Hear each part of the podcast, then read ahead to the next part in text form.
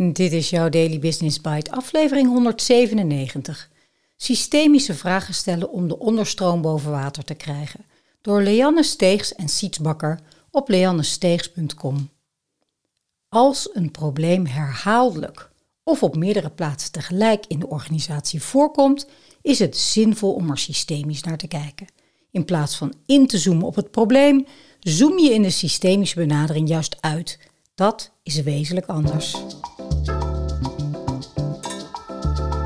Je luistert naar Daily Business Bites met Marja Den Braber, waarin ze voor jou de beste artikelen over persoonlijke ontwikkeling en ondernemen selecteert en voorleest. Elke dag in minder dan 10 minuten. In deze casus volgen we de drie oerkrachten die in de onderstroom van ieder systeem aanwezig zijn, om te onderzoeken wat er echt aan de hand is. Insluiten, ordening en uitwisseling. Na een reorganisatie werd Tina de manager van een nieuw gevormd team. Voorheen werkten de teamleden in verschillende teams waarin zij een solistische functie hadden. Ze kenden elkaar wel, maar hadden nog niet direct met elkaar samengewerkt. Tina had het er duidelijk zwaar mee. Ze vechten elkaar de tent uit, zei ze. De een wil niet met de ander samenwerken omdat hij de mensen uit dat deel van de organisatie niet vertrouwt. De ander wil niet samenwerken met iemand die in een team gewerkt heeft waar gefraudeerd is. Weer een ander vindt zichzelf zo goed dat iedereen zijn werkmethode maar moet overnemen. Waar begin ik? Als de samenwerking stagneert, zoom je meestal eerst in op de groepsdynamica. Je kijkt dan vooral naar de patronen binnen een team. Interventies op groepsniveau, bijvoorbeeld het bespreekbaar maken van deze patronen, kunnen natuurlijk effectief zijn. Soms zie je echter dat na verloop van tijd dezelfde patronen terugkeren. In dat geval kan het interessant zijn om ook eens op een systemische manier te gaan kijken. Niet alleen binnen de groep, maar ook naar de grotere systemen waarmee deze groep verbonden is. Zoals het systeem van je afdeling of het organisatiesysteem waarvan je deel uitmaakt. Voor wat is de huidige situatie een goede oplossing? In bovenstaand voorbeeld zou dit een eerste systemische vraag kunnen zijn. Door deze vraag te stellen ga je automatisch uitzoomen in plaats van inzoomen. Je gaat niet in op de symptomen in de bovenstroom, de individuele medewerkers die allemaal redenen aandragen om niet te hoeven samenwerken. En zelfs als je dit wel zou doen en je zou al die verschillende weerstanden één voor één weerleggen, zou het niet anders zijn. Ook los je het probleem niet op door al deze medewerkers te vervangen door nieuwe mensen. We volgen in deze casus de drie oerkrachten om te ontdekken wat de reden voor dit systeem is om niet samen te werken. Wat zit er nou echt onder? Op zoek naar een meer structurele oplossing. De oerkracht insluiten. Wie of wat wordt er gemakkelijk vergeten? In reorganisaties bedenkt men vaak ingewikkelde procedures en constructies om nieuwe samenwerkingsverbanden te vormen. Zo ingewikkeld dat het soms niet meer over mensen lijkt te gaan. Of de ene maatregel volgt de andere razendsnel op na de reorganisatie. De strategie is dan vaak om problemen die daaruit voortkomen later wel op te lossen. In beide gevallen komt het regelmatig voor dat mensen met hun speciale expertise of ervaring onvoldoende gezien of zelfs vergeten worden.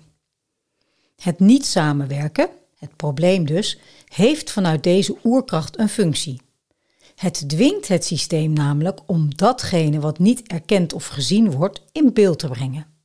Dit komt overigens ook voor bij plotseling ontslag van iemand in de organisatie, of als een organisatie mensen of het milieu schade toebrengt en dit probeert te verdoezelen. Ook dan kan dit in de bovenstroom tot uiting komen door een gebrek aan samenwerking, als reactie van het systeem om het uitgeslotene in beeld te brengen. De oerkracht ordening. Wie heeft welke positie na de reorganisatie? De dieperliggende oorzaak voor het gebrek aan samenwerking of de weerstand kan ook te maken hebben met de oerkracht ordening. Niet alleen heeft iedereen die bij het systeem hoort recht op een plek, de posities in een organisatiesysteem hebben ook een vaste ordening. Werken vanuit die ordening geeft rust en veiligheid. Systemen gedijen hier goed bij. Een reorganisatie stelt de bekende ordening ter discussie en geeft via procedures mensen, functies en taken een nieuwe plek.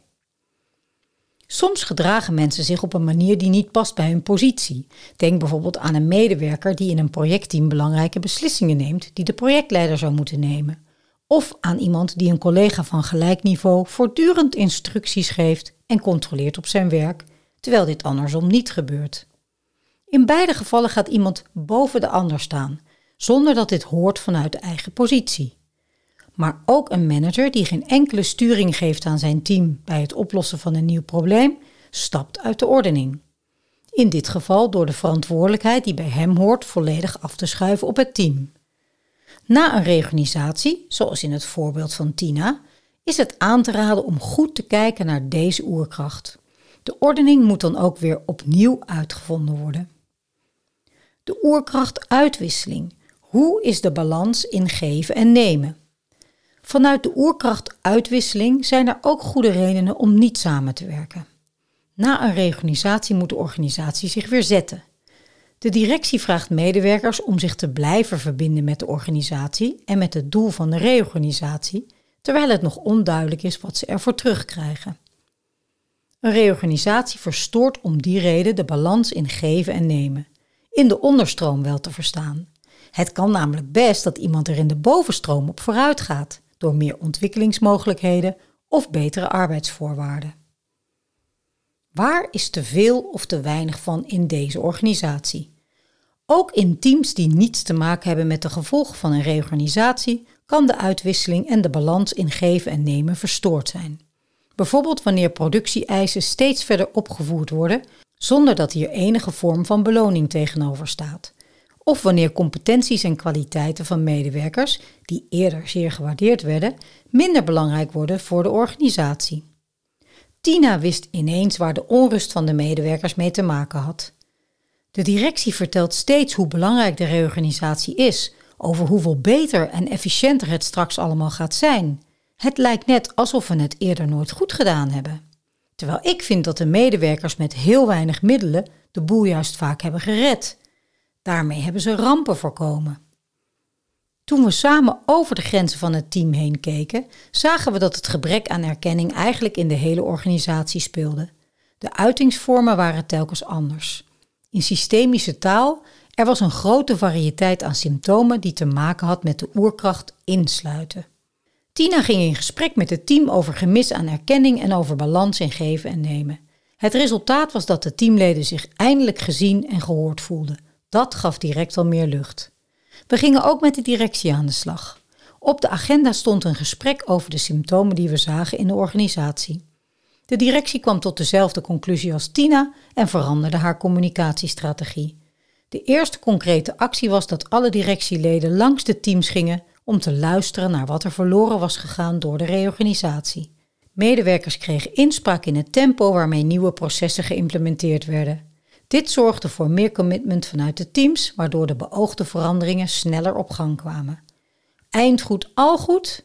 Nee hoor, niet direct. Maar door een begin te maken met het naar boven halen van de onderstroom, kreeg de directie wel meer grip en mogelijkheden om de nieuwe organisatie succesvol te kunnen aansturen. Daily Business Bites met Marja Den Braber. Je luisterde naar systemisch vragen stellen om de onderstroom boven water te krijgen door Leanne Steegs en Siets Bakker. Een prachtige casus en ik krijg instant zin om ook weer meer systemische vragen te gaan stellen in teams. De komende week mag ik weer twee teams begeleiden. Waarschijnlijk doe ik het automatisch al, want het mooie is dat als je opgeleid bent in systemisch werk, ik ben in familie- en organisatieopstellingen opgeleid, je eigenlijk niet meer niet systemisch kunt kijken. Toch is het bewustzijn vergroten en deze kennis in jouw team binnenhalen als zaken langere tijd niet lekker lopen en je eigenlijk niet precies de vinger kunt leggen op wat er nu precies speelt, echt een aanrader. Ook bij het afscheid nemen van mensen en welkom heten van nieuwe mensen is het fijn om wat basiskennis over groepsdynamica en systemisch kijken in huis te hebben. Neem goed afscheid. Bedank de persoon voor haar of zijn inbreng. Misschien juist als je eigenlijk wel blij bent dat hij vertrekt. Plek, ordening en balans in geven en nemen vormen de drie basiswetten of oerkrachten, zoals Leanne en Siets het noemen, van elk systeem. Negeer je deze wetten, dan ben je alweer snel een paar maanden verder met allerlei onbewuste processen die je maar niet kan plaatsen. Ik spreek je graag morgen weer.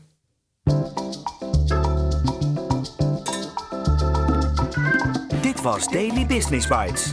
Wil je vaker voorgelezen worden? Abonneer je dan op de podcast in je favoriete podcast-app.